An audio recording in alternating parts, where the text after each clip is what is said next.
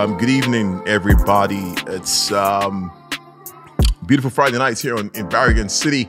Um, I go by the name of Dorian's Grave, and welcome to Muffed Minds. Um, today we're gonna have a conversation with a legend. Uh, pretty sure if you don't know who T. Michael is, then you know what you should know who T. Michael is. Um, before I introduce him, I just wanted to say that it's a pleasure to have him in the house for sure. Um, it's not often we get people of this repertoire uh, coming to grace us with your knowledge and give us some gems to go with, especially if we're people who are trying to carve our own ways in a society that demands that you somewhat follow the trend. Uh, Muffed Minds is here to show you that you don't have to. Um, you could go against it, well, not break the rules, of course, but you could also you could find your own path and then stick to it.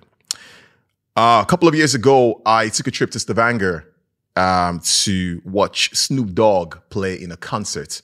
Um, let's just say I don't remember the concert. But I do remember when I took uh, the bus or the airport shuttle back and I met this man on there and he just was just there sitting by in, in, in his entire flamboyance and, and, and grace. And I said to myself, wow, okay, if I grow up, I want to be like that. And uh, I think I went over and introduced myself. I don't think he remembers this episode actually, but this is something I remember very, very well. Um, I knew somehow that our paths would somehow cross. And then fast forward, um, a couple of years later, um, I decided to go into music and the whole Dorian's Grave thing started. I remember when I started that project, T. Michael was actually the first person I had a conversation with about it. And I was looking for inspiration, and goddamn, did I find inspiration. Walked in, and over there were some books that were neatly arranged, of course, at the front desk of his shop. And there I saw a name, and that name was Saul Williams. Saul Williams, by far, one of the best poets of our times. If you don't know who that is, I recommend that you check him out.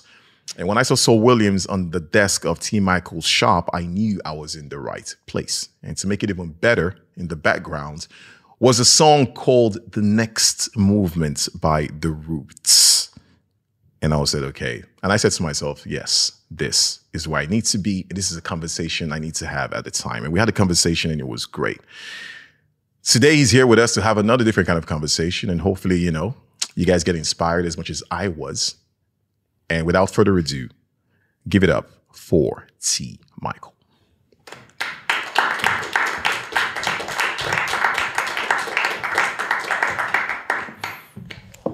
How's it going? That was an intro. Super intro, right? Take it. Thank you. no problem. All day, all day.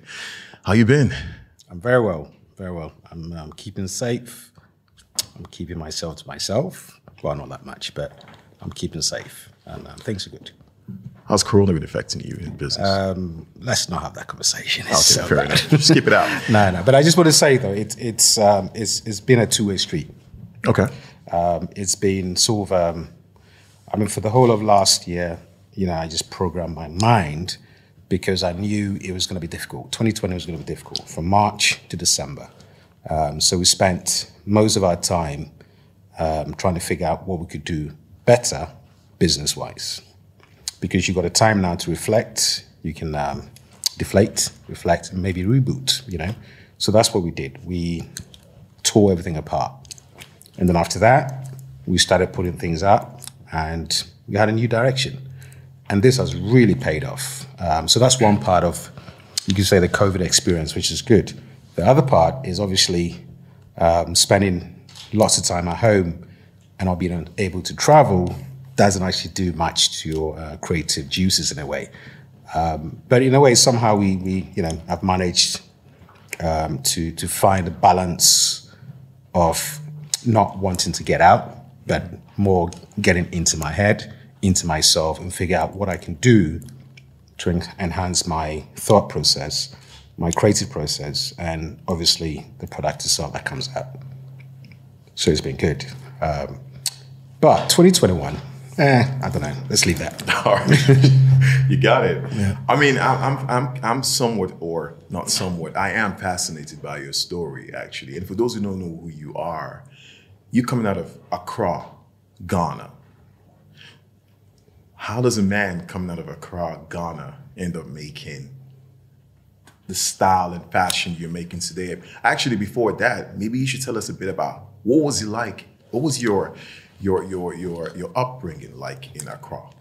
I just want to say there's you know there's lots of creative people in Accra. You know, a little bit more than Lagos, but there you go. Oh, oh,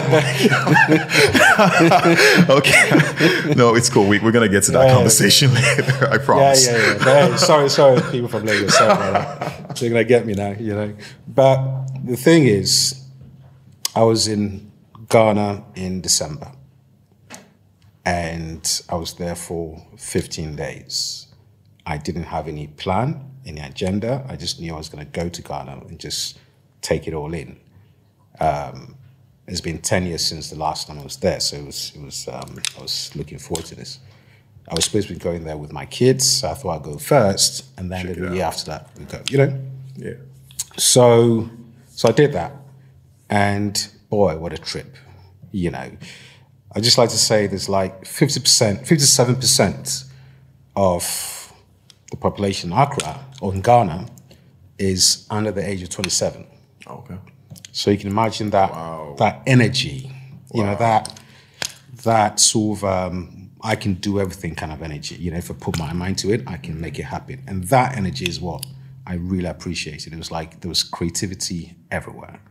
It was you know one was hacking into existing um, systems and, and and computers and sound and everything was just like I was blown away anyway. And I, I recommend everyone if you got time to travel to Ghana and check it out. You know, Even better for you when you traveled back then. Coincidentally, you had the year of the return. I know it was. I mean, there's all sorts out there. I mean, there, there was. Um, Did you know that was going on? Yeah, it was uh, actually. You know, you know, there's there's whisper going around. Beyonce's around. Beyonce's around. Like, so what? But Beyonce was around, and you know, in in hindsight, you saw she released the video, and that was played. Right, Yeah, that was recorded at that time. Anyway, but but the point is, there's so many people around, and it felt really good to be there. Um, and I think that's the energy in Accra. And and but then I always like to say that that energy is good, but you also need to be able to to take whatever energy you have from whatever country you're coming from and, and apply it to the way you think and the way you are.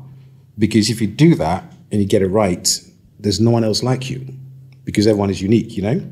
Um, but if you keep looking over, you know, across your sh- over your shoulder and in someone else's lane, then you end up trying to be like someone else. And unfortunately, it doesn't really work out well because that person will always be ahead of you. Right. you know, Or, originality takes Exactly. You're just playing catch up, and that's not a good, good place to be. You being in conflict with yourself. Um, but anyway, I, I ended up in Bergen because I was living in London, and I met my ex-wife there, uh, and uh, we fell in love. So we decided to move to Norway because we thought the spot would give us the best of starts in life. You know, it was a calm spot, very calm spot. There was not much going on. Um, unlike London, that was so much full of energy. But at that time, I felt okay. It's good to get out a little bit, you know. Um, so we got here, and um, obviously there wasn't much happening out here, you know. Um, and I say that with a smile because I think that is also what helped me to find my way in a way because I had so much time to myself, and I just realized that I need to find my own path in a way. I need to be a grown up. I need to find out what makes me tick. I need to do things that I could do for the next 60, 70 years, kind of thing, you know. Um, so it's, it's more like a step by step thing. And then eventually you find that thing. Um, but I was passionate about clothing, I've always been. Um, I spent all the money I do not have on clothing. Um, They're and more I expensive than your budget. well, you know, there's there's no money, so you basically just scrape, scrape, scrape, buy, buy, buy, and then you realize, oh shit, I didn't pay my rent. Okay, let's start again. You know. um, so I, I, you know, that was like very, very early years. But then, then I moved to Norway, and then I decided to to um, to do tailoring, and and it's because even though I loved clothing, I wasn't really thinking about designing clothing. I wanted to be the guy that would take your measurements, will make a pattern, we'll draft it, and make something for you, just you. You know, I wanted to be that kind of person. Um, it wasn't about fashion, it was about clothing. You know, things that would would would work on you, the right cut, the right proportions, the right cloth. Um, and there's something fascinating about about tailoring. tailoring you know, uh, the way you make suits, the whole technique, um, the chalk, the drawing on the cloth, the cuts in, the basting. Damn sexy, you know. So I decided to do that. Um, and then I, um, you know, I, I, I, trained to do that at um, the school in Bergen. Uh, it took me three years to do it. Mm. And after that, you know, the, the, the thing is, I finished. It seems like I've said this, I've told the story many, many times before, but I'm sure most of you haven't heard it yet, so I'll say it again, you know.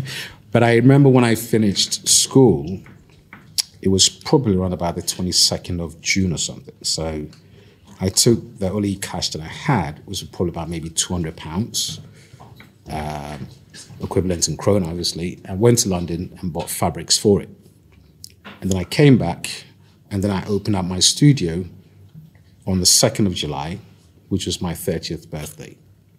So for me, it was very, very, it was very symbolic. It was like from now on, mm. this is going to be my life in a way. Um, yeah, that's it. So that's that's like in 1996. 1996, right? One thing, one thing I, I, I, I admire is, I mean, you're coming out of West Africa. Yes. And mostly, you know how it is in West Africa. I don't know. You told me. No, I mean, you know, it, it, was is this thing where when when you ask most people what they want to become or yes, what they yes, want to yes, do, totally. It's not quite often you hear people say, you know what. I want to become a tailor. Yes, yes, yes. But I think it's it's because you know um, I didn't I didn't want to be a tailor at a very early age. I, I did decide to become a tailor much much further on in my life in a way. Um, before that, I was doing all sorts of things. I would say. Um, and, and when people ask me, you know, like they're 20 years old, 22 years old, and said, "Oh, I like to be this," and what do you think I should do? I'm like, you got to live your life a little bit. You know, mm. got to be a bit loose about it. Don't don't focus focus right, but don't focus too much because there's so much around you that you could you could um, you can learn from. There's so many things you can um, you can um, um sponge in. You know, um, so by going too directional into one one direction is probably not a good thing. For certain people, it is, but not necessarily for everyone. So just listen, just try new things. You know, every time you, you do something wrong and you fail, hey, it's nothing wrong with that. You got so much more information from that to, to help you probably not to fail again. It's um, so I understand the lawyer, the doctor um, kind of thing, but but you know, creativity is for me anyway. I think is the best way of finding out who you are. Mm. And the moment you find out who you are, it's easier for you to deal with people. It's easier to to um, accept people, it's easier to let people in, or it makes it easier too to shut certain people out. Right. So you decide your own circle pretty much. In a way, it's it's your own kind of sphere in a way. So you you you you build that sphere and then you invite people in. And if it works well, that's amazing. If it doesn't work well, you know, tell them to go out of your sphere. But point I'm trying to make is it's very, very important to be focused, but but keep your eye out because there's so many other things you might probably find more exciting than what you're actually aiming at. That is true. Did you think you were going to change fashion culture right away when you opened your studio in 1996? Or was this something you said to yourself, okay, this is going to take a while?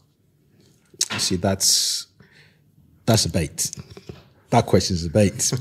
Because let me, let me explain to you, because I think everyone that decides to work with, with clothing or any form for creativity wants to be the next whatever.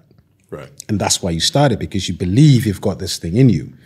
But I'm sure maybe two, three years down the line, you realize that eh, it's not going to happen. You know. So then you you you leave that stupid dream and then you focus more on your skills. And then you start working out what you do and you start getting better with it year after year, you know, and, and every step you make, it gets better. And then the mistakes you do makes you better. It makes you handle uh, things differently. You know more about the texture, the, the, the build up, the history behind it, the tradition, everything that goes with it. And then by doing that, people will respect your work. Uh, one, they respect your your attitude towards your work, and then hopefully they'll like what you're doing as well. And the moment they start liking what you do, and, and, and then they do have that respect thing going on, then obviously people start talking about you and your work. And that's when you start getting closer to something that you had, you know, that vague, stupid dream you had way back, you know, because now people can come to you and say, Oh, I heard about you. And I, I realized that I wanted to come in and, and see what you do, you know. And that warms your heart. And then you start building it from there. But but yeah, that dream wears out very, very quickly. That, you know, I want to be the next something. It's like two years, like, ah, fuck it, man. It's not going to happen. But then again, the dream does kick in when you do realize that over time your consistency has shown. Because I know you took a trip to Milan Yes. to showcase. Yeah, see, consistency. I think that's exactly what I'm talking about because when you when you keep doing what you're doing the way you do it, one, you get better at it. Right. Number two, you create your own vernacular. This is how you do things. People will see it from far, they understand it. And then it becomes your thing. You know, no one can do as as, as better as you can. So yeah, and uh, well, obviously we, you know, we go to the fashion weeks, and we go to Milan, and we go to Florence, uh, Pitti Uomo, and then you know you meet all these people, and yeah. Well, tell us about your first trip. What was that like? Um, our first trip in Milan was to show um, the first collection from Norwegian Rain. And that was actually quite fun because, you know, we we just just about to launch the, launch the collection. Um, we were smart enough to build a web, website that was strong. We got all the best of creative people from Bergen, um, Alex and myself, um, got in Grant people, uh, Bent and Isinova taking the pictures. So we had a strong um, um, backing in a way, you know. Right. So in a way, when you speak to people and you say Norwegian Rain, they would wouldn't know about it, but they go online and check very quickly, and then they will they will see this beautiful website that was bam bam bam bam, you know. Um, otherwise, they'll forget it. But the moment you see that website, that name will, will stick to you. It's it's quite catchy if you've seen something that would back it up, you know.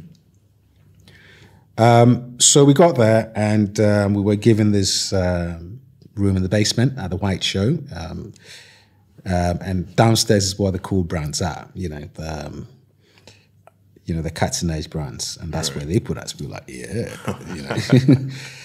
um, and we got this room that was um, two rooms. It was adjoining in a way. You walk into the first room and the door was on far in on the left hand side. So you walk in and then you turn and it's like a U shape in a way. So two different rooms, but joined with a door uh, further in. We had um, we had two styles in our collection. We had about four pieces, and that's it. So in a way, we can't fill up the space with the collection. It wasn't that strong. So we had to figure out what are we're going to do to be able to um, um, to get people to look at our collection somehow. You know, so what we did was we hang the four pieces, the three pieces in the back room. We put one on a mannequin on a dummy, um, dressed it up. We bought lots of um, rope, jute rope, and we tied it all around the space in there, almost like a cobweb in a way. Um, and then we bought um, a sunflower and an artichoke. Okay. Now people say, "Why did you get that?" You know, because we went to the store, to the grocery store, everything was closed, and that's what we found. So we bought that. Was that you simple? know, so that's it. You know, so so we created that room and we had it we had it there, and and then people would walk in. This this is the, the thought behind it, because our collection wasn't big enough, and because our collection was very directional, we just felt that we had to sort of um, attract the people that thought different you know, you can't, you won't be able to attract everyone. So most people will look in the room and they probably think, what's going on there? And they just walk on. And that's what really happened. But once in a while, someone will walk in and they go, what's going on? What are you guys doing? What's this? You know? Right. And they get very excited about it because they're thinking we probably have something up our sleeves. So they want to know what's in the back room and all these questions. Um, there wasn't much in the back room, you know, to be honest about it. That's all we had. But what we had was we had we had guts, we had stories, we had this honest approach to what we're doing. We got we got a visit from um, a Japanese buyer, and he walked in. We had this sign that said uh, "Norwegian Rain, um, Bergen, the rainiest city in Europe." So in a way, that was that was catching already. So he walked in and he goes, "Oh, Bergen, I've heard about it before. You know, fjords. Um, mm, yeah, so a little chat, chat, chat. Um, there we go. Oh, you from Bergen too? I'm like, yeah, well, not quite, but I live here. I've been here for a few years, and the chat was going on. So you know, building this nice conversation, this rapport with him, and we just thought, okay, this guy's a nice fellow. Uh, he just wants to talk to us. Um, that's fine too, because we don't have anyone to talk to anyway. Right, so, right, right. So we did this conversation for a while, and then eventually he goes, "Well, you know, I um, I like um, what you guys are doing. Can you show me the collection?" So we went to the back room, pulled the pieces out, showed it to him. He tried it on, and he liked it. You know, we're like, hmm, okay, at least you know he's he's um, he's moved on to the next step. And then he was like, "Well, you know, I like to make um, an order," and that's when it dawned on us. Okay, that's like the first order coming through, you know. And then he made the order, and um, we're still working with this uh, fellow still, Till many many years on. Um, obviously, you know they have many stores, and but you didn't know that. But yes, that's how it, it all started out. So that's how we ended up selling our first collection, and our first buyer was a Japanese buyer. Ended up in Japan right away. when, when I when I see your your collection, especially the kimono, Yes. for example, you know, I often wonder because I, I think to myself, what what made you decide to do that? Well, you know, it's it's it's a question that you know when I was when when we did the T-Kimono, that's like let me see, uh, we did that four years ago. We started four years ago, I think. Um, remember, this is like maybe over twenty years into my my career in a way. So in a way, when you get to that point, you have this because of your consistency and your hard work, you've got this thing about you. You know, this is what I do. People will respect your work. People recognize your work. Um, so that's how it happened. You know, um, we sold um, the rain show from Norwegian Rain to a Japanese store that sells kimonos. Now, the reason why they bought it was because the rain show was the only raincoat that you can wear over a kimono Got it. because of the sleeves and the cap. course. So that's when we entered that world. And then I met um, the owner of the store and I met his dad, who was like the director of the whole business. They have many, many stores. Um, they've been in business since 1916. These But you, you see, the thing is, you're saying it so casually. You know well, what I mean? because let me let me let me explain this. Let, let me let me explain it because see, it's it's it's like this is how things happen though. You know, you don't you don't wake up in the morning and say, "I'm going to look for that guy and I'm going to make a kimono with him." It it doesn't work like that. But what happens though is the harder you work, the more defined your work becomes. That's why I keep saying that because eventually, when people look you up, they look you up for a reason. Um, obviously, it's nice to knock on doors and say, "Listen, I want to do that with you," and and you know, I've got this idea. But it's rare that people that are matched, much much advanced than you in both style and and and years in the business will let you in just because you have an idea. 1916. you know what I mean? So, but, but, but okay. So, so, so he said to me, I love your work. I love your tailoring. I'm really in love with it. And I said, well, yeah, that's thank you. But I, I love what you guys are doing as well. So that's when we, Right. You built a rapport. And yeah. And, and it wasn't like, you know, day two, can you do a kimono for us? No, no. You know, you meet them again, you have dinner together, you go and, you know, drink some sakes, you know, the whole rapport moves along. Um, and you build this thing where they, they, they trust you, you trust them. Uh, we're still selling raincoats to them. And it's like, listen, would you like to um, work with a kimono? Would you like to revamp the kimono? Would you like to do something with it? What would you like to do with it if we you got the opportunity, you know? And then I can feel like, you know, I'm getting warmer by the minute, but you calm them down. You know? no pressure, I can do this, you know.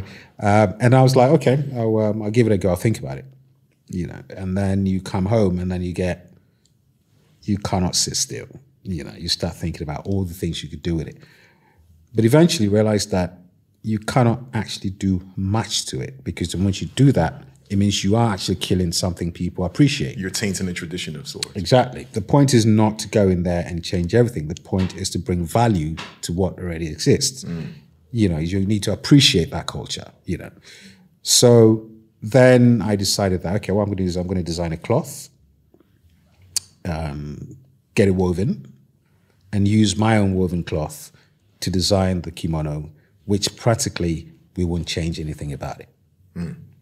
We keep it exactly as it is. But the cloth, um, the design of the cloth, the weight of the cloth, the type of the cloth changes everything. You know, it was um, a flannel cloth. It's brushed. So normally you use that for suits. So now we use that for kimono, and people don't do that. No, they don't. Exactly. You know, you're thinking about pinstripes. Right. I took the pinstripes and I thought, who needs all the stripes? We need just one. So it became a monostripe, Oh, okay. right? So there's just one stripe in it. Got it woven in Spain, shipped over to them, um, and we did the first sample, and everyone was over the moon because because of that s- simple change, we got something that everyone could actually uh, be proud of. You haven't changed anything, but you presented a new. Um, it's a new presentation, really. But for the sake of clarity, though, Yes. you know, because I mean, you've been in this game. Like, I mean, I don't know. When you speak about it, it's like, okay, just do that, do that, done. You know. Yeah, yeah, know, yeah. The grey hairs give away a little bit, so I'm sure you understand that. It's- it's, no, uh, because you know we got people people watching in the audience, and of course people at home, you know, who probably thinking, "Yo, T man, it's not that easy." You know?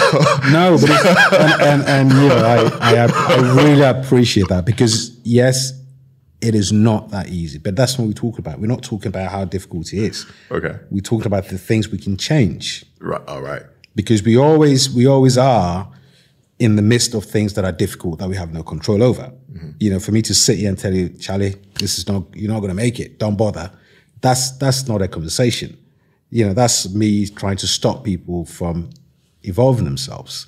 It's about the fact that the only way you can change things is by being bloody good at what you do, and that's it. You know, you can't have Hazard do your work and say, pull me in, I can do this. So you got to be really consistent and, and, and believe so much in what you do that, you know, people will see it.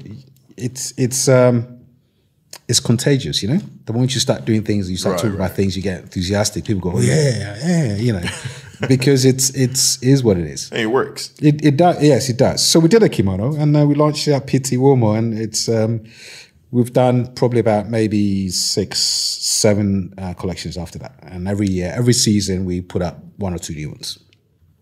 With the same company, of course. The same company. Yes. Uh, It's fascinating to hear um, that a man coming out of Ghana, yes. Accra, Yes. um, is revamping or rejuvenating Yes. uh, the kimono as we know it. I mean, when we think about fashion and we think about creativity or creative as a whole, we know networking has a lot to play here, right? Yes. How do you, I mean, what advice do you give people? How do you set out when you say, okay, you know, I'm going to go to Berlin? Because every now and then we have this conversation and Yes. you're like, oh, I'm going to Berlin tomorrow. And I'm Yeah. like, all right, cool. And I'm like, what about next week? Oh, I'm Barcelona. I'm like, all right, man. Is the food and the wine? No, no, it. it's fact. This is facts. I'm not even kidding. You know, but like, what, what, what, what, what triggers? What, what kicks? What do you? What's the drive? How do you know exactly? What are you looking for? And how do you know exactly where to go? Hmm. And not just that. I mean, how do you know which doors to go to hmm. and say this is gonna? Let me try this, guys, over here. What's your thought process? And hmm. uh, Ooh. I mean, the the I I understand the questions, and I I, I can see when you say it, I can hear how difficult it seems like. What I'm doing seems really almost impossible. I, I understand what you're saying, but but in a way, it's all about the truth, though. And I say the truth because every time you do something, you got to be true to yourself. You know, you cannot fake something and hope it's going to win people over because eventually they realize that what you're doing is not really what you're supposed to be doing. It doesn't have any. So, so truth is important. When you do what you do, and there's a certain um, humility in it as well. There's truth in it. Um, obviously, I know I'm bloody good at what I do because I work hard at it. It doesn't come naturally. Uh, it doesn't. I don't wake up and I get it, but it comes. There's a natural way to it, which means I've got to work hard at it, understand a bit more, um, know what I want, um, take away the fluff, navigate this way. People are doing that. Okay, so I'll go that way. And then the moment you start finding that rhythm, everything else seems a little bit easier every time. Now, people will walk up to you. Now, obviously, I've got this beard and the hair, so I stick out. You know, I stick No, out. In, I stick out in Accra. I stick out in Tokyo. I stick out in Norway. It doesn't make any difference. I'm I'm cool about it. You know. But the thing is, people walk up to you and say, "Oh, hey," you know, even if they don't know who you are, they'll say, "Hi, um, what you do?" You know, who? And it's not a rude question. It's just people are wondering what I do because they've never seen someone with that. that I mean, your whole vibe is intriguing. Exactly. So people go, "Are you a professor? Are you this? Are you that? Are you a musician?" And it goes, you know, um, and then you start talking to them. So in that conversation, they'll go, "Oh, I know this guy that does that. Maybe you should meet him." You know, and that's his card, or that's my card. You know, so most, you know, ninety nine percent of the time, that doesn't lead to anything. Okay. But but the point is, you have created a little network, and then you probably meet that person again maybe four years after that, and then he's probably move on to something else. And you go, oh, do you remember me? We met once, like you said, you met me at Stavanger. You said right? So and they would say, well, you know, I've moved over here, and we are doing X, Y, Z. So do you want to join in? and that's how we we actually got to do um, a collaboration with um, uh, Ally Capellino because we were in um, um, Cape Town and we did a project there. Um, we showed the collection. I had three films that I did, short films that I did, and we showed it there as well. So when we got back, maybe three years afterwards, we got an email saying, um, "I would like to connect you to this uh, design um, company, and I hope you guys can find a way and do a collaboration together." So that's how things happen. It's um, it's a lot of um, serendipity, but but I think every, every everything everything works because Right. you can actually back it up with with um, skills, knowledge, and and um, and uh, finishing as well. Right now, you just said you were shooting a couple of films in Cape Town. I mean, what got you into cinematography and videography? Where did that even come from? And I understand you do direct most of the stuff you do because I was in your studio the other day to film, do a short film. And I remember I went into that studio and I, and I knew exactly what I was going to do. And you Yeah. just came in out of nowhere. And then Michael, just chill. I got this. And I'm like, okay. I'm like, I'm like, all right, you know. And, No, no, no. and me and my cameraman were like, you know what? We're just gonna let see Michael direct the whole thing from here around. And it, could, it, it's actually turned out great. Um, I mean, is this a natural thing? Because according to Virgil Abloh, Yes. uh, from Louis Vuitton, Yes. you know, he says that West Africans or Africans as a whole Mm. are actually born with the essence of conceptual art. Yes. Is this something that lies in your DNA, or is this something you picked up along the way somewhere? You know, there's- there's there's so many ways to answer this in a way, and I, I I can say I agree with him, but then in a way, what about everyone else? Do you understand what I'm saying? Facts. Because I think creativity has no boundaries in a way. Everyone can be creative. All you need to do is to be able to lift your eye up, lift your head up, have a look, and have a look again.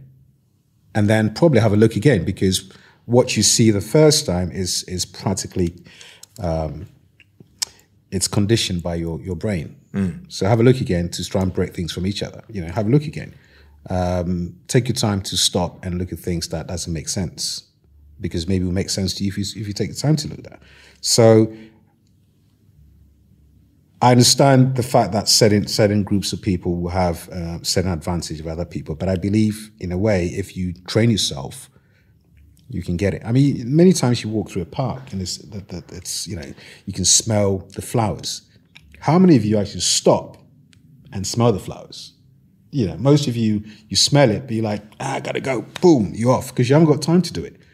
But if you took the time to smell it, it would enhance your day just a little bit. You might be two minutes late, but you probably arrive two minutes late, a little bit more invigorated, you know? So I think it's all about that. It's about trying to look at things slightly different and and um, finding the balance between um, the skill set you need to do it and the way it's been done before and how you can actually present a new narrative because that's where the creativity is. And that's what the film is about. See, I, I don't I don't do films because I'm an expert in films, but I get this sort of shots and these images in my head. And and I, I'm thinking, wow, if you put that together with that and put that together with that, that'd be a cool two minutes. You know, my two minutes is not about teaching something new or telling a story in a way. I'm taking you out of your everyday configuration and give you two minutes or fuck all. But at least it will stimulate you um, either uh, the visual senses, any form of sensory perceptions anyway, plus your emotions as well. So after that two minutes, you probably will go back to your everyday life, but that would linger on with you somehow. And if you are like me, you will start processing that too. Right, I think I'm like you. There you go. See?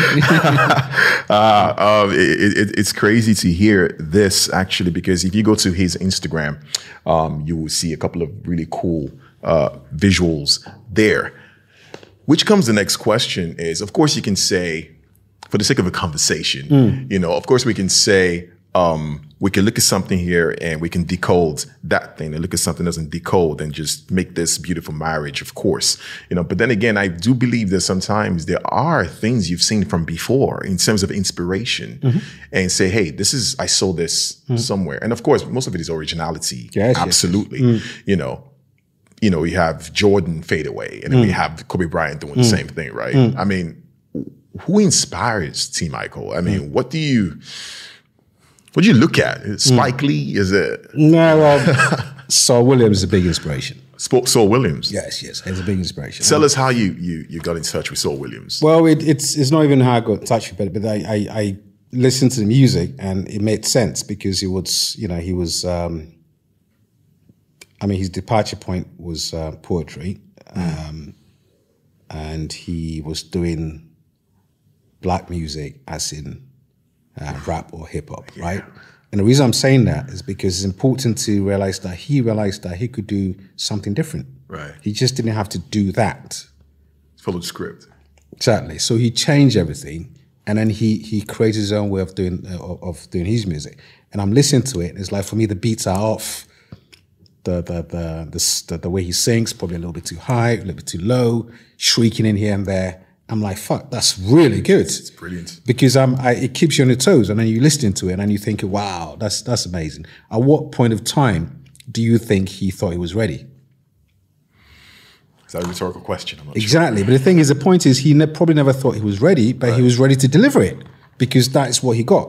Hmm. And if you're going to wait and, and, and, and be good at what you do, you probably end up taking all those quirks out and to end up with a nice little product and then you put it on the table and it's as good as everyone else's product, but it doesn't change anything. So it's, it's, it's that um, knowing what is out there, knowing what your skills are, and then pushing the limits a little bit. So that's that's why. And I, I think Sidney Poitier is amazing as well. No, thank you very much. You know, Um, For those wondering who Saul Williams, how, do you know who Saul Williams is? No. they would know tomorrow. No problem. Tomorrow they'll find out. Um, it's funny you say that actually because before I started uh, Slam Poetry Barrigan, um, I was into Saul Williams was the one I saw, and then I said to myself, I want to do that. You know, well, not that exactly because No, to me you, you can't really do what Saul. I can't really do what Saul Williams But does. that, that's a good starting point. Right. And, and I said to myself, okay, whoever this guy is, I want to do that. Yeah. You know, because he just blew me away. And the, the, the poem is called Coded Language. Um, you guys should check it out. It's something else. And watch it when he's doing it in front of a class, not when he's doing it on Stage. On yeah, you saw the other one. It's not the same. Um, and also to add, Saul Williams actually played an instrumental role in Kanye West's record, the Yeezus record. If you guys have heard it, that's the reason. One reason why he sounds the way it sounds together with Daft Punk on that record. And when Kanye West went for his Yeezus tour, he actually hired Saul Williams to fix the lights because everything was super distorted. And like you said, it looks like there's no arrangements in it, but there's actually the lack of arrangement is actually the arrangements That's skills of the whole know, thing. And that's where um, everything just makes sense. So I, I employ everyone to check out Saul Williams. And obviously, I I, um, I met him once at. Of course, of course. Of No, no, but this is this is good because um, this is like this is like many many years ago. No, no, no, but this is good. This is good. This is good because this is like many many years ago. I love MTV at um, at um, VAFTA. This is like probably 17, 18 years ago. Okay. and there was Common was playing that day. Um, there's a lot of people playing, and I was outside watching Common play, and I see this guy come in, and then he stops right in front of me, right? Of course. So he was like, "What are you doing here?" Whoa. So that's the question, and it took me like a split of a second to get it, and I looked around, and it was like just me, black guy lots of white people. So I got it. so I got it. So I'm like, ah, so we just started laughing. And then I was going to watch him afterwards downstairs. Um, and then that was an amazing concert because I went in with the fact that I'm thinking, I just spoke to Saul Williams, you know? Okay. Was, um, it was brilliant. But I, anyway, I, I like a lot of what he does. I like everything he does his vibe, his style, his, his way of thinking. Mm.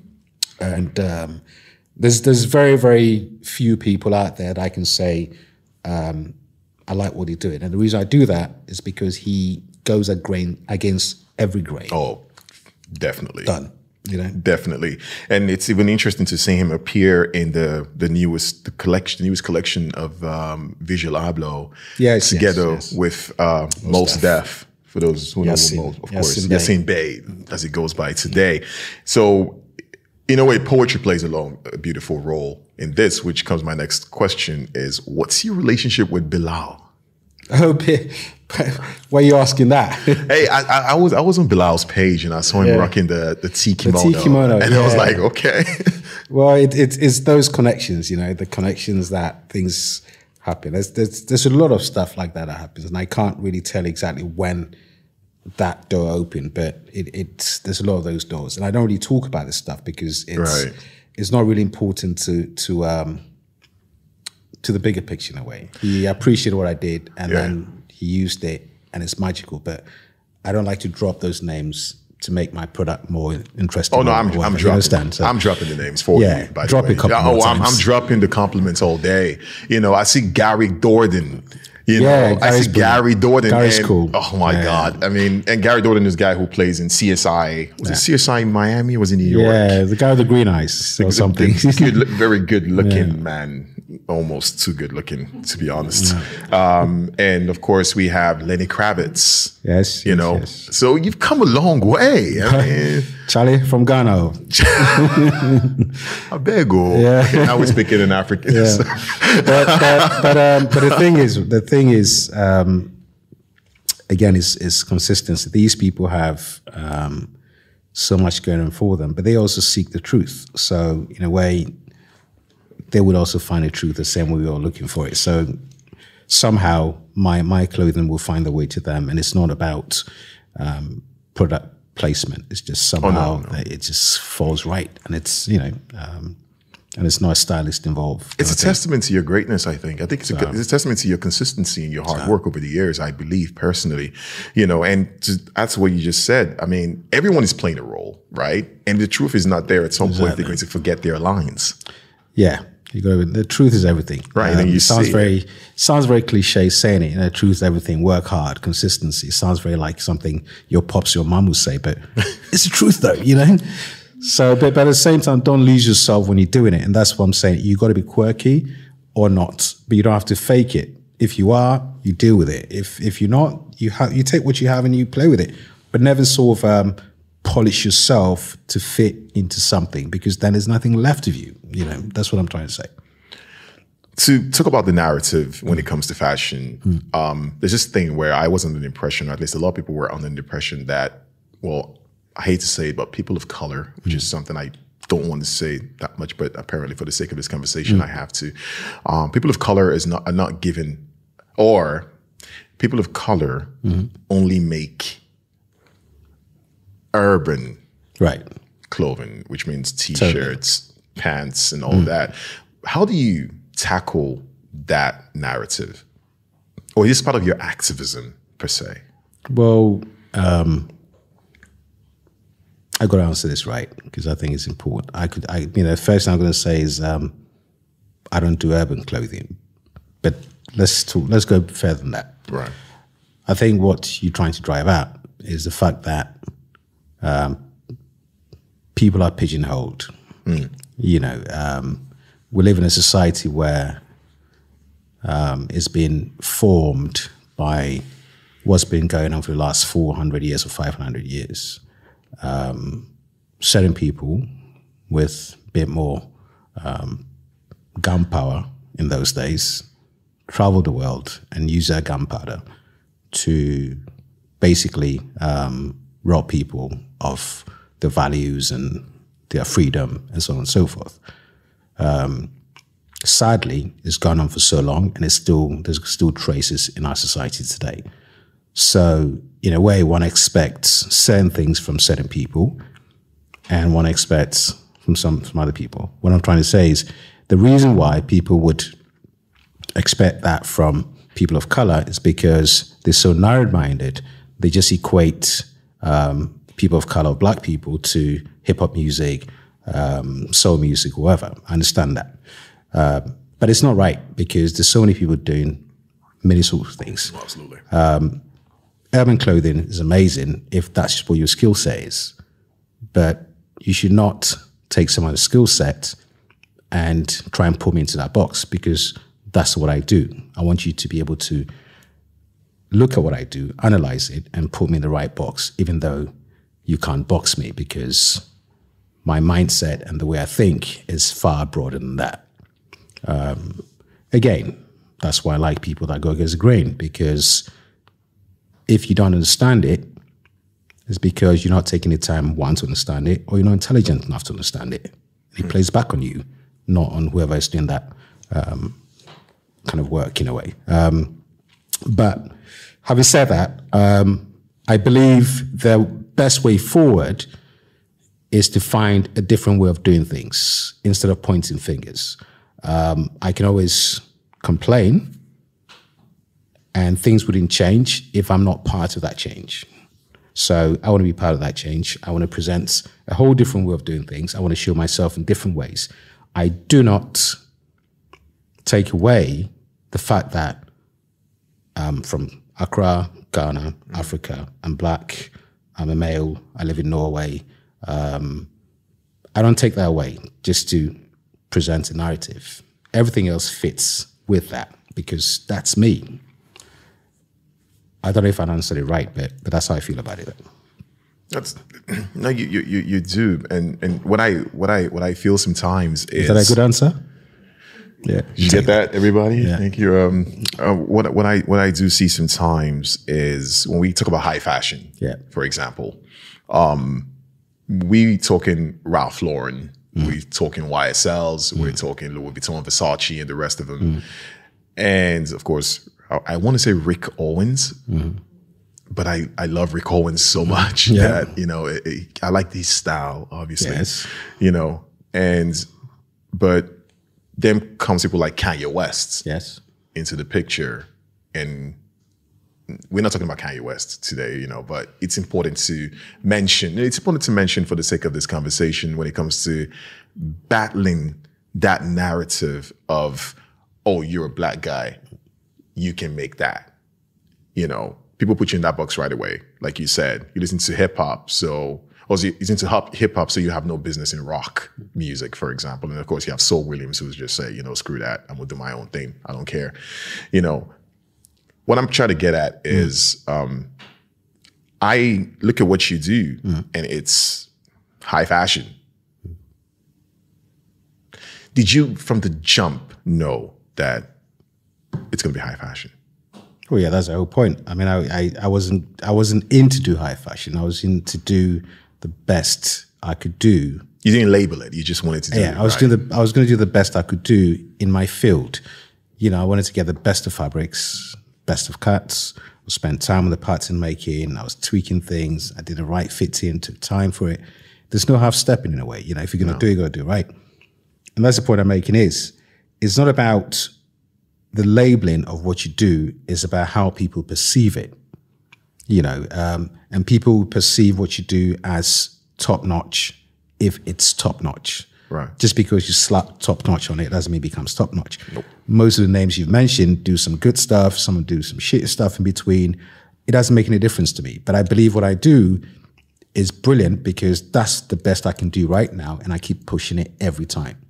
You know, I don't rest and say, okay, now I've got, I'm a high fashion designer, you know, so I'm going to sit back and chill a bit. I, I don't, it's not what I do, you know, it's, um, I'm, I'm, you know, it's, um, I find it, I find it very difficult to, to talk about this without comparing up other people, but I don't do that. I don't bring other people into my conversation. Like I said, I told you guys before, it's not about other people, it's about me and what I want to do Right. and I keep pushing it and keep furthering my my um, my ideas and my concepts. How people perceive it or or not, it's really relevant as long as I'm true to my ideas and my my my stuff. And I hope that that you know young designer um, in Lagos, Ghana, um, Accra, in uh, Mo i Rana, or somewhere down in the south in Devon in England, it doesn't make any difference because the point is you are probably fighting against so many out there that's that's doing far better things than you. And if you start comparing yourself to them, you're never gonna get ahead. And that's more the point I was trying to make. Exactly. Because a lot of people, I feel like a lot of people uh, come into these things, and it doesn't have to be fashion. Mm. Fashion is just one aspect of it. And I'm talking about just daily, regular life. Yes. You know, where they go into something, and rather than focus on what they are yes. doing, it becomes, oh no, but that person is mm. this. Mm. And we you were part of meeting of the minds last mm. year. Yes. And there was a lot of questions coming up. And what we saw was a lot of people who I felt began to compare mm. their situations with Other another people. person's yes, situation. Yes. Mm. And of course, we know we have structural racism and whatnot. Mm. We, we know that. We mm. know that. We're aware of that, mm. you know, but at the same time, I felt like it makes you lose focus. Mm. Yeah. So the, um, the signs that I put in ahead of you and it's like roadblocks and everything over there, it just throws you off because and it's there to, it's there for a reason. It's there to throw you off so you don't focus. But mm. just I mean, it doesn't really make a difference. You just have to be skillful at what you do, whether you're a doctor, you're a lawyer, you're a nurse, you're a carpenter, you're a builder. It's irrelevant. You've got to be good at what you do and do it well. So when you go home after work, you're thinking, oh, cool. Where's a cup of tea? Where's a beer? You know, that kind of thing. Enjoy it. And it's it's just about that. Um, and and obviously if you're a creative person, um, or any any any any kind of job that you could help you change the narrative for people behind you, then it's best for you to use your abilities to do that. Do you ever look at your accessories sometimes and say, man, I wish I could do more in shoes, you know, just like, yo. One could always do more, just, but the more, more is never, more is never better, you know? you know, or do you just, you know, I, I, don't know. I don't know how this works in your world, of course, but I'm just Let trying to see. I'm explaining. I, I, uh, I always, before I start doing whatever, you know, if I decide to, to, um, to, to design a pair of shoe, um, there's no point to do it if I'm just going to do the same thing that's out there already. Mm. It's it's not it's not about just having a shoe in my store with my name on it. You know, it's about understanding how shoes made. So I will start from the fundamentals. I will go to a place where I'll learn how to make shoes. I will learn how to make the patterns for shoes, learn about the leather, um, do the research on the various type of shoes, the platforms, the the, the soles, um, the stitching, the welting, all of that. And then when you've done all that, you've got all that information, then you can say, okay, so which way should I go? How can I create the shoe that I want that will be unique for me? Obviously, most shoes have been made, you know, we've, we've got so many types of shoes in the world, and it's very difficult to come up with something totally new. Right. So nine out of 10 times you would do something that already exists with a little bit of um, tweaked on it. But, but that's fine too. Um, but that's how it works. So by the time I, you know, I, you know, it starts with one idea and then halfway think, oh, no, no, no, nah, it's not going to work. And then you, you keep navigating from left to right. Um, and then eventually you find that, that idea that makes sense with everything else you have from before. Because there's no point to make a pair of shoe that wouldn't work in your world from before because everything is connected. It, it's all that you have. You have um, um, a vernacular, mm. so that shoe would would when people see it eventually when it's out, they'll look at that shoe and go, "Yeah, it makes sense. You make a shoe like that." You right.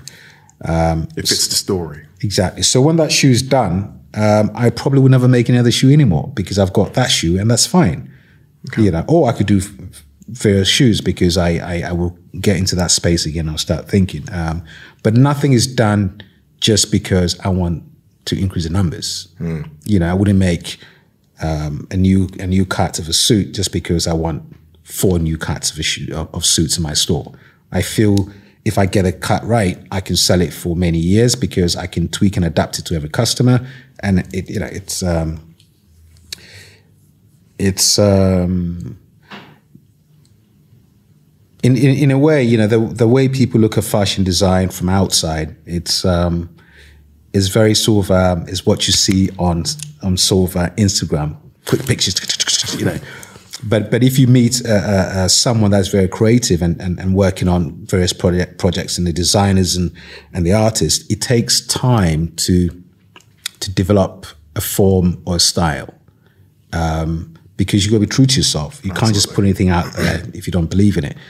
So, you know, I, I, like to believe that the fashion world is twofold. You know, the people that consume fashion and the people that make them, right? The people that make them usually don't look that, like the people that consume them. It's like two different kind of people. You know, they they probably wouldn't. You know, you, you probably wouldn't know when you see them that they, they actually work in fashion in a way because it's not about um, being flamboyant. It's about being true. So they probably have a pair of shoes on they've had for maybe 10 years and that's so comfortable they're not going to change it. It's like a, um, a michelin star restaurant chef is not making ducks when he comes up after work you know, you know so doesn't make any sense. so yeah so so in a way it, it's it's i think i think for me anyway that's that's a beauty of of creativity because um, there's a film there's a film um, by wim wenders about Yohji yamamoto. Oh and this yeah and there's there's a beautiful scene where he was talking about back in the day when you went to a party, you walk into the house in the corridor where the coats are hanging, you can just tell who's here. Mm. Because one had maybe one coat, one wore. You know, this is your coat. So you go, oh, she's here, he's here before you walk in, because that is, you know, and the, the, what he's trying to say is in those days, there was, you know, you, you put yourself in what you did and what you wore. There was a certain link between identities in a way. Um, today, obviously, we wear clothing for different reasons, but that's fine too. But but I like that a lot because it it just brings the whole idea of being a designer to someone that actually sees things and tries to create a new narrative or problem solve something. Very simple, and that's just amazing. Before we jump into the next uh, question, um, I wanted to say that. Um, this this series you're watching um, was inspired by um, a series of events that happened last year in the United States of America, of course, um, where some innocent people were killed, and of course there was a voice that needed to be heard, and we and I said to myself, or we said to ourselves, yes, we need to be a part of that voice, or at least spark a new kind of voice uh, to enhance some form of change. Now, however, however, um, I think I had this conversation with you before about how we need to focus on the positives and see, okay, people use the word privilege a lot lately, you know, and, and lately I began to redefine the word myself and say, I think privilege is what you have going for you. Mm. If you can see it from that perspective, mm. then you don't have time to look at someone else and say, oh, they got that job because mm. they're more privileged than I am mm. and all that. Once again, let's not forget, we know there is racism. We know that, absolutely. But it is what it is, right? So listening to your story, I mean, you found your calling, you know, and you said, you know what, this is it right here. Let's do that. Nothing's going to stop this. We just keep it going. And of course, in moderation, which is kind of beautiful to listen to actually, because I think everything in excess might be too much. Oh, you know, there's nothing wrong being excessive either. But if it works for you, yeah, do that. Um, I just feel like I speak volumes when I tone it down. Mm.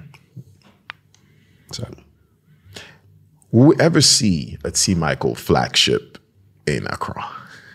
Yeah. I get a lot of that question. And, um, I'm thinking of going to Ghana. Yeah, yeah. But the thing is that it, it, it's it's not about saying yes or no. It's it's not about that. It's about when it feels right, it will be there. So that's that's all there is to it. You know, we. I keep saying we and I, but it's because you know I have two brands, and and and one is me, and one is myself and Alexander. So there's two different things happening. So sometimes I, I we and I I, but but the point is, it would happen if the timing is right. And it's not about whether I want to do it or not. It's just you got to get it right when you do it. Mm. And, and what I mean, what I mean right, it has to be You know, we opened up a store in, in Tokyo, and that was right because we found the house. We spent about three years looking for that space Okay. Because it wasn't just about putting up a store and put clothing into and say, you know, come and get it. You know, it was about finding the right spot, and we found this old house um, in a place called Kanda Sudacho, which is the eastern part of Tokyo. It used to be where the main um, city center used to be back in the in the day. Um, so we found this house, and, and that house is one of the houses that um, was still standing after the Second World War. It's one of the thirty thousand houses that uh, survived uh, the war. Old house. Um, it's about three point five meters wide, and it's 17 centi- centimeter, uh, sorry, meters long because it's like two houses in one. So it's very narrow, but it just goes on forever. And it's like two floors. Yeah. And the moment we saw it, it was like, yeah, that's it. That's a house.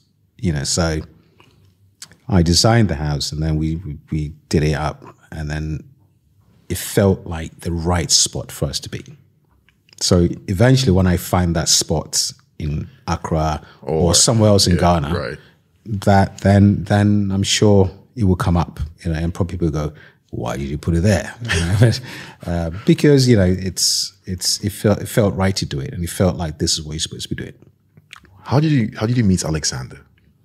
We um, it's a very good story, you know. Um, again, I've said it so many times, but I always I- I haven't heard- No, no, but I think it's very important because I, I we we always keep saying.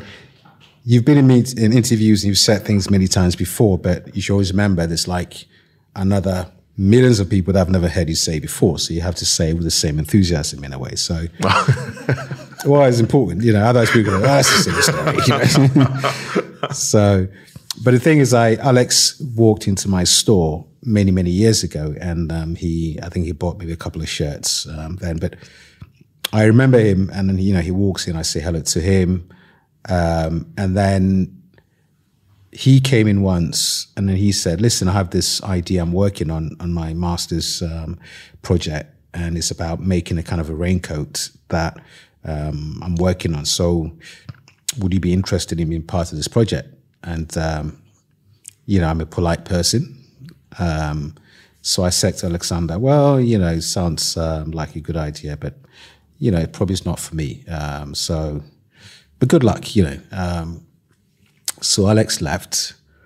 But the thing, the thing about people that are persistent and have a, a, a mission, they always take the negative news and turn it into positive news, which we do every time. So he thought, He's a very nice fellow. He shook my hands when I came in. So I'm sure if I go back, he will welcome me back and we have a conversation, you know?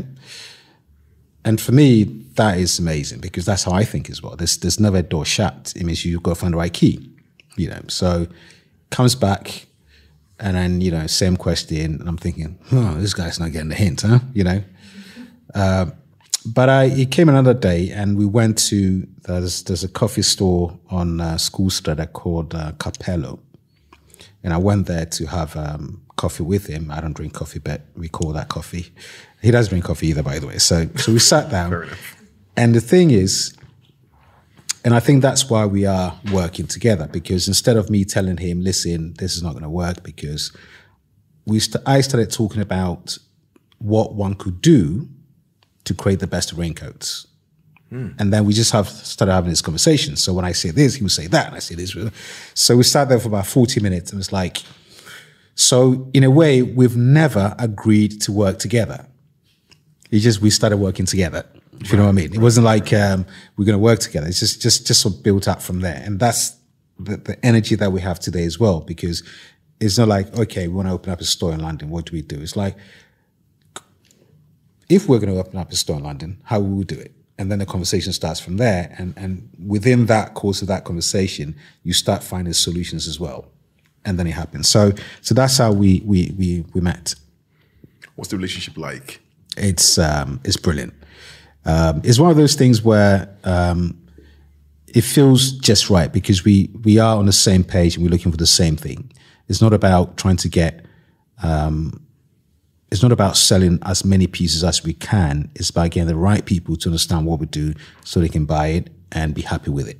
you know, and we are very, very, very specific about the qualities that we work with, um, the level of of, of um, the quality in our clothing. So, in a way, it's never been an argument about how good it should be. The argument will be about where we should keep the limit. You know, you shouldn't Right. go over that. We should just keep it um, low. So, it's been brilliant. Um, I think it's our 13th year now. Um, so, yeah, as you can see, just works really well. Well, at, at times, because I, I met him and he's super humble guy. Just you know, it's just amazing to just see him and his his whole thing. You know, you could tell this guy knows what he's doing for Exactly. sure. You know, but at times in the past, maybe because I feel like when it, when people come into these things to create, um, a lot of people. Um, now I'm saying this for the benefit of people watching and people trying to learn Yeah. a lot of people tend to come. Do people? Do you feel like people come around you sometimes to feed off your energy? Oh yeah, I mean, um, I, I, I have a store in the middle of town, um, and I'm welcome in. So obviously you get people in, um, and yes, obviously certain people come in and you would think, okay, that's enough now, you know. Um, but at the same time, you know, I, I I believe that if you overstep your first time, you probably wouldn't be able to come back again. Right. It's it's it's like um, you know, and and sometimes people ask you for things, and I also believe that if you actually let time um, tell, then whatever someone asks you off, if it's not a good idea, it will just fizzle out as well. So in a way, if you come in with good energy, you feel it and you come back again. If you left and you felt that energy was just, I don't think you come back again. Because we we we see as as I personally see this sometimes where and it's something I tend to struggle with. Actually, maybe you can actually help me with this. Yes, yes. Here, um, when people see you doing so many things and it's what it is, you know, and and I think from the outside, probably thinking, oh man, what a adventurous lifestyle and and everything, but you know, is something about like how mentally draining it can actually be in the reality of things, especially when you got kids, you know, Yes. for example. Yes, yes. Um, are there times when you you've been in that zone and you just like, how do you how do you handle that particular kind of thing? One of those lucky few. Right. Um, let me let me explain because I, I I I don't play to anyone's tune, and I've said this before, and I keep saying it, and I think that's the key of everything. I'm not rude, but I wouldn't say yes to something if I don't want to be part of it. You know, um, so in a way, everything that I would do, I would do it because I actually want to do it, and that gives a lot of energy that gives a whole lot of energy. I mean, you can spend um, 20 hours doing what you do and it feels right. But at the same time, spending five minutes doing something you don't want to do can kill that 20 hours that you felt that was so good. Okay. And that's what you should watch out for. You know, try not to put yourself in situations that you don't want to. Even at a very, very early start, people go, Would you like to do this thing for me? And in the beginning, you think, Oh, no, not that one. And you want the money. So you would say, Yes, you would do it, you know, and then you do it. And then you give it to them, and then you probably don't feel that energy anywhere. But, but you know, it, it's um, early days in your business, and then you need to pay that rent Right. you know. Um, and just just to mention, I mean, we've talked about how things are and the, the nice flow of things, but trust me, I've I've been through all this business before, and I, I know how difficult it is to be able to pay a rent. I know how difficult it is to pay uh, to put food on the table. I understand all that. It's extremely difficult. Um, but at the same time, if you've got this mindset that this is something I will um, overcome, then you put the energy and, and the work needed to be able to do that. And it's not about bullshit of, and it's not me saying you know, think about it and then you can manifest it. You got to work and do it, you know. and and so so I understand that. So you know what I'm trying to say is, it's not easy, but then eventually you find the balance of you being um, a public person and a private person.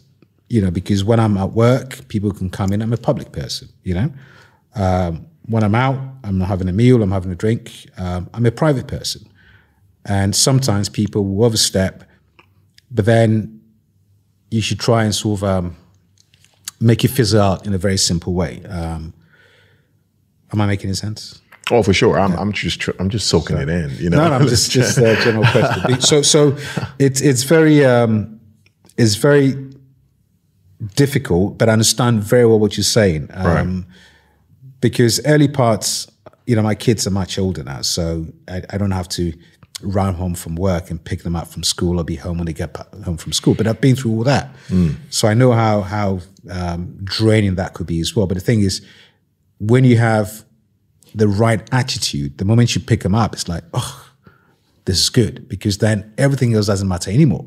You know, um, you know when I'm when I'm at work back in the day, my son would come in, um, and I remember my my assistant, who I still work with, she's been there for 15 years now. She would say, "It's amazing to watch you when your kids come in because then everything else just like Get the switch. is gone, right?" And that's the whole point because they're going to be there for maybe half an hour. I need to give them proper half an hour. You know, I cannot speak to them while I'm listening to something else or doing something else. So you've got to be focused, and it works with everything. You've got to be on the. You're going to be there. You have to. Yeah, it's all about the truth. Again, truth. Um, When you started out in well 1996, 96. 96. Let's be. Yeah. Sounds like a long time ago. That's a it? long time ago, man. I mean, I mean, I mean, since you were there throwing shades at Lagos, Nigeria, I might as well just throw you a shade back. Wahala is coming well, actually, it's two shades. Wahala is coming. uh, shade number one, 1996 was actually when Nigeria won the gold medal in uh, Atlanta in football. Oh, where was Ghana? Hmm. we're, we're, we're just eating some fufu and jollof, please. And um, of course, um, he knows very well that Nigeria makes better rice than Ghana does. This is facts. Okay. Oh. Mm. 1996 is a long time. Okay, it's a long time. It's a long Yeah, time a ago. long time. That's crazy. How many years ago is that? It's a long time ago. 20 years ago? No. No. What are we doing here? It's 25 people. and, and your daughter, who I've met so many times, Yes. you know, and I've worked with her, amazing, amazing energy. You know, 96 is when you opened your, your, your studio. Yes. And her, she was Six years old. six years old. And that's the same year my son was born. So so I look at my son, I look at my business, I'm like, eh, you know. But, but in in that early phase, yeah. you know, with two kids, and your son was born right that that same Yes, year, yes, and yes. that's like another thing going on over there. It's very simple. You know, I had, a, I had a, an amazing partner. So things made sense. You know, we supported each other. We did everything we could do to make it work. Um, and it's it's the beautiful thing is, you know, now you know I sit down with my kids, we have dinner, and then we we drink whiskey and we chill, and then we talk about all sorts of things. And it's nice to hear them talk about things from from back in the day, and and um, and you know, my son will say, "Well, you're always calm, except when you speak to UPS." Then you get free, you freak. I'm like, "Yeah, you know those people, you know." Because they never deliver on time in those days, you know.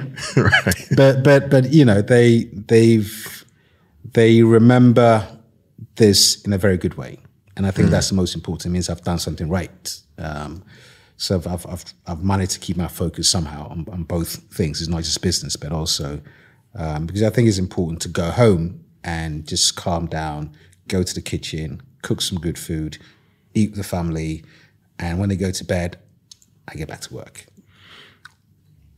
As an African dad, Mm. do you are you a typical African dad? I don't know what that is.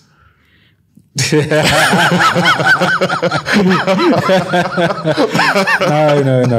You see, I can imagine what you're saying is do I try and throw my weight Right.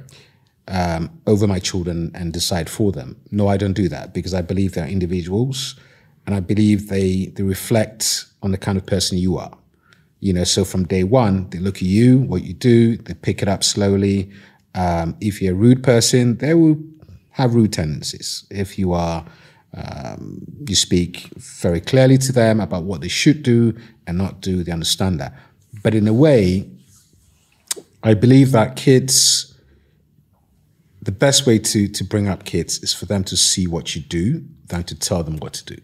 Because the moment you start dishing out parental advice, it's like the earplugs go in. You know, you all been kids before. Anytime your parents start telling you things, you're thinking, you know.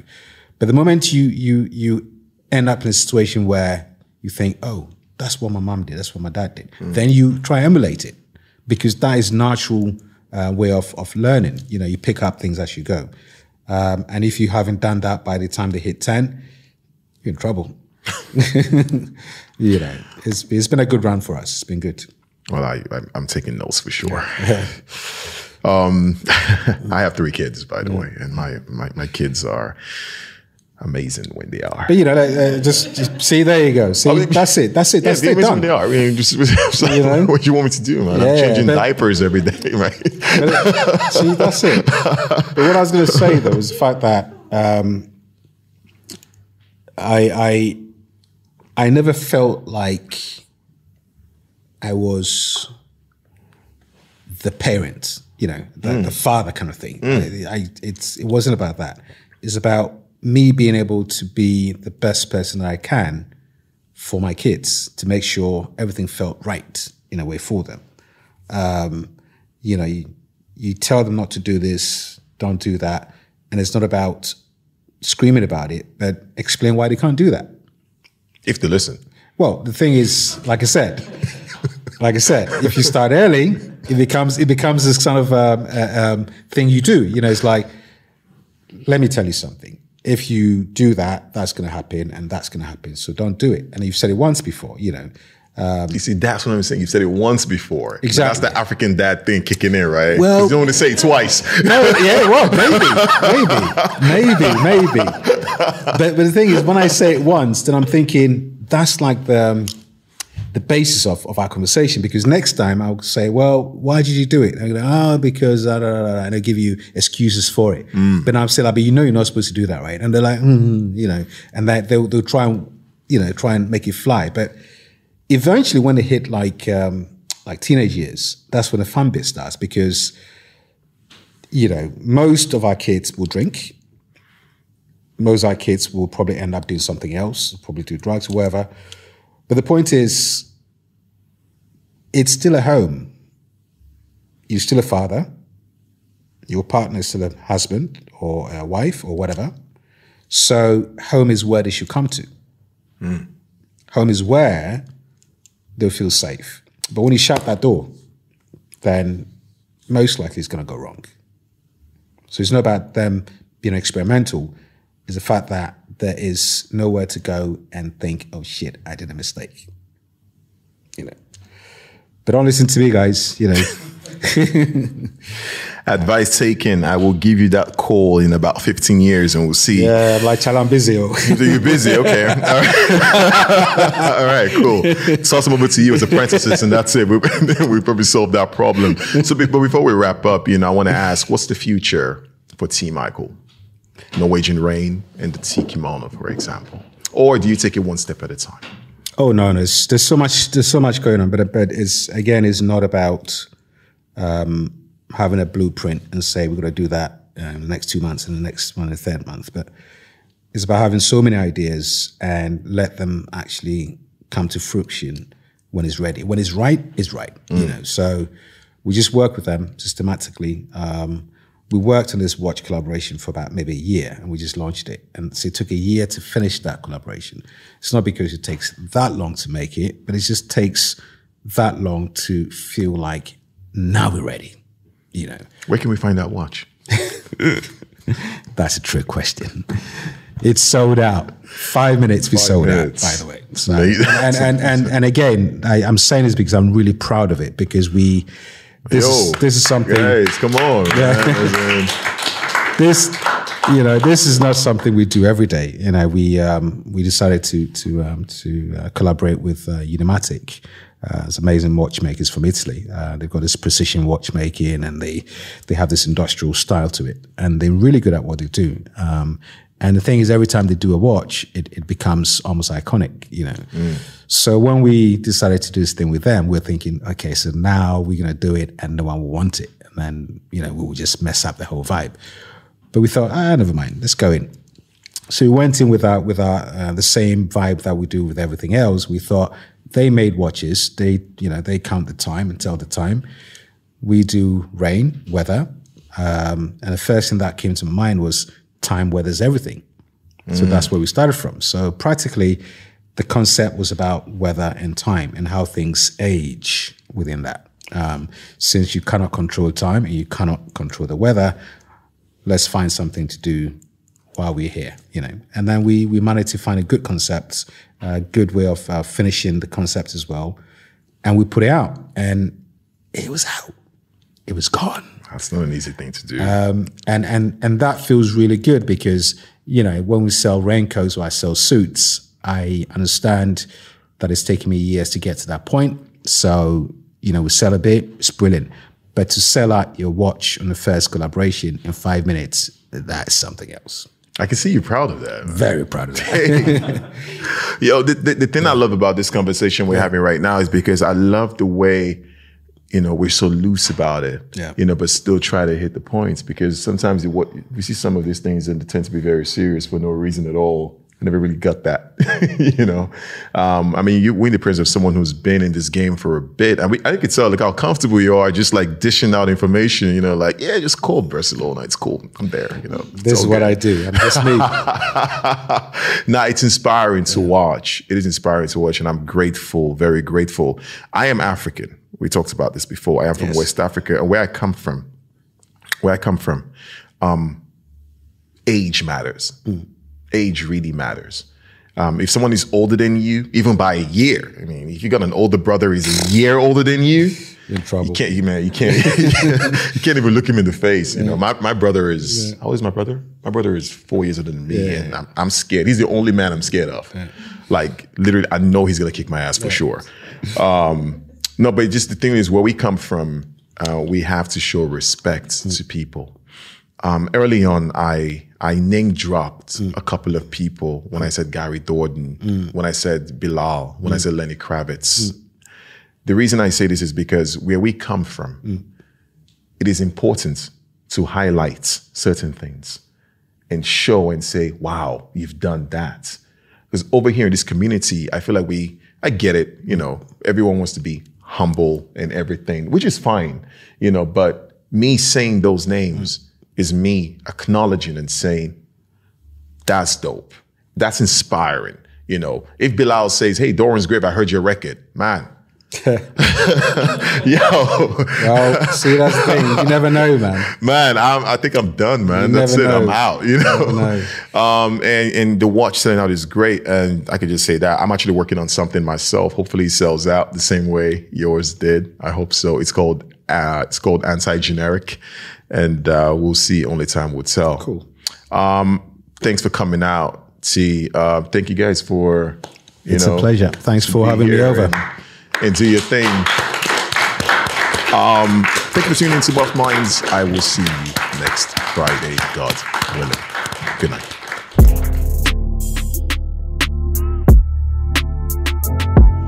This Meeting of the Mind podcast is brought to you by Slam Poetry Bergen in conjunction and collaboration with the House of Literature in Bergen.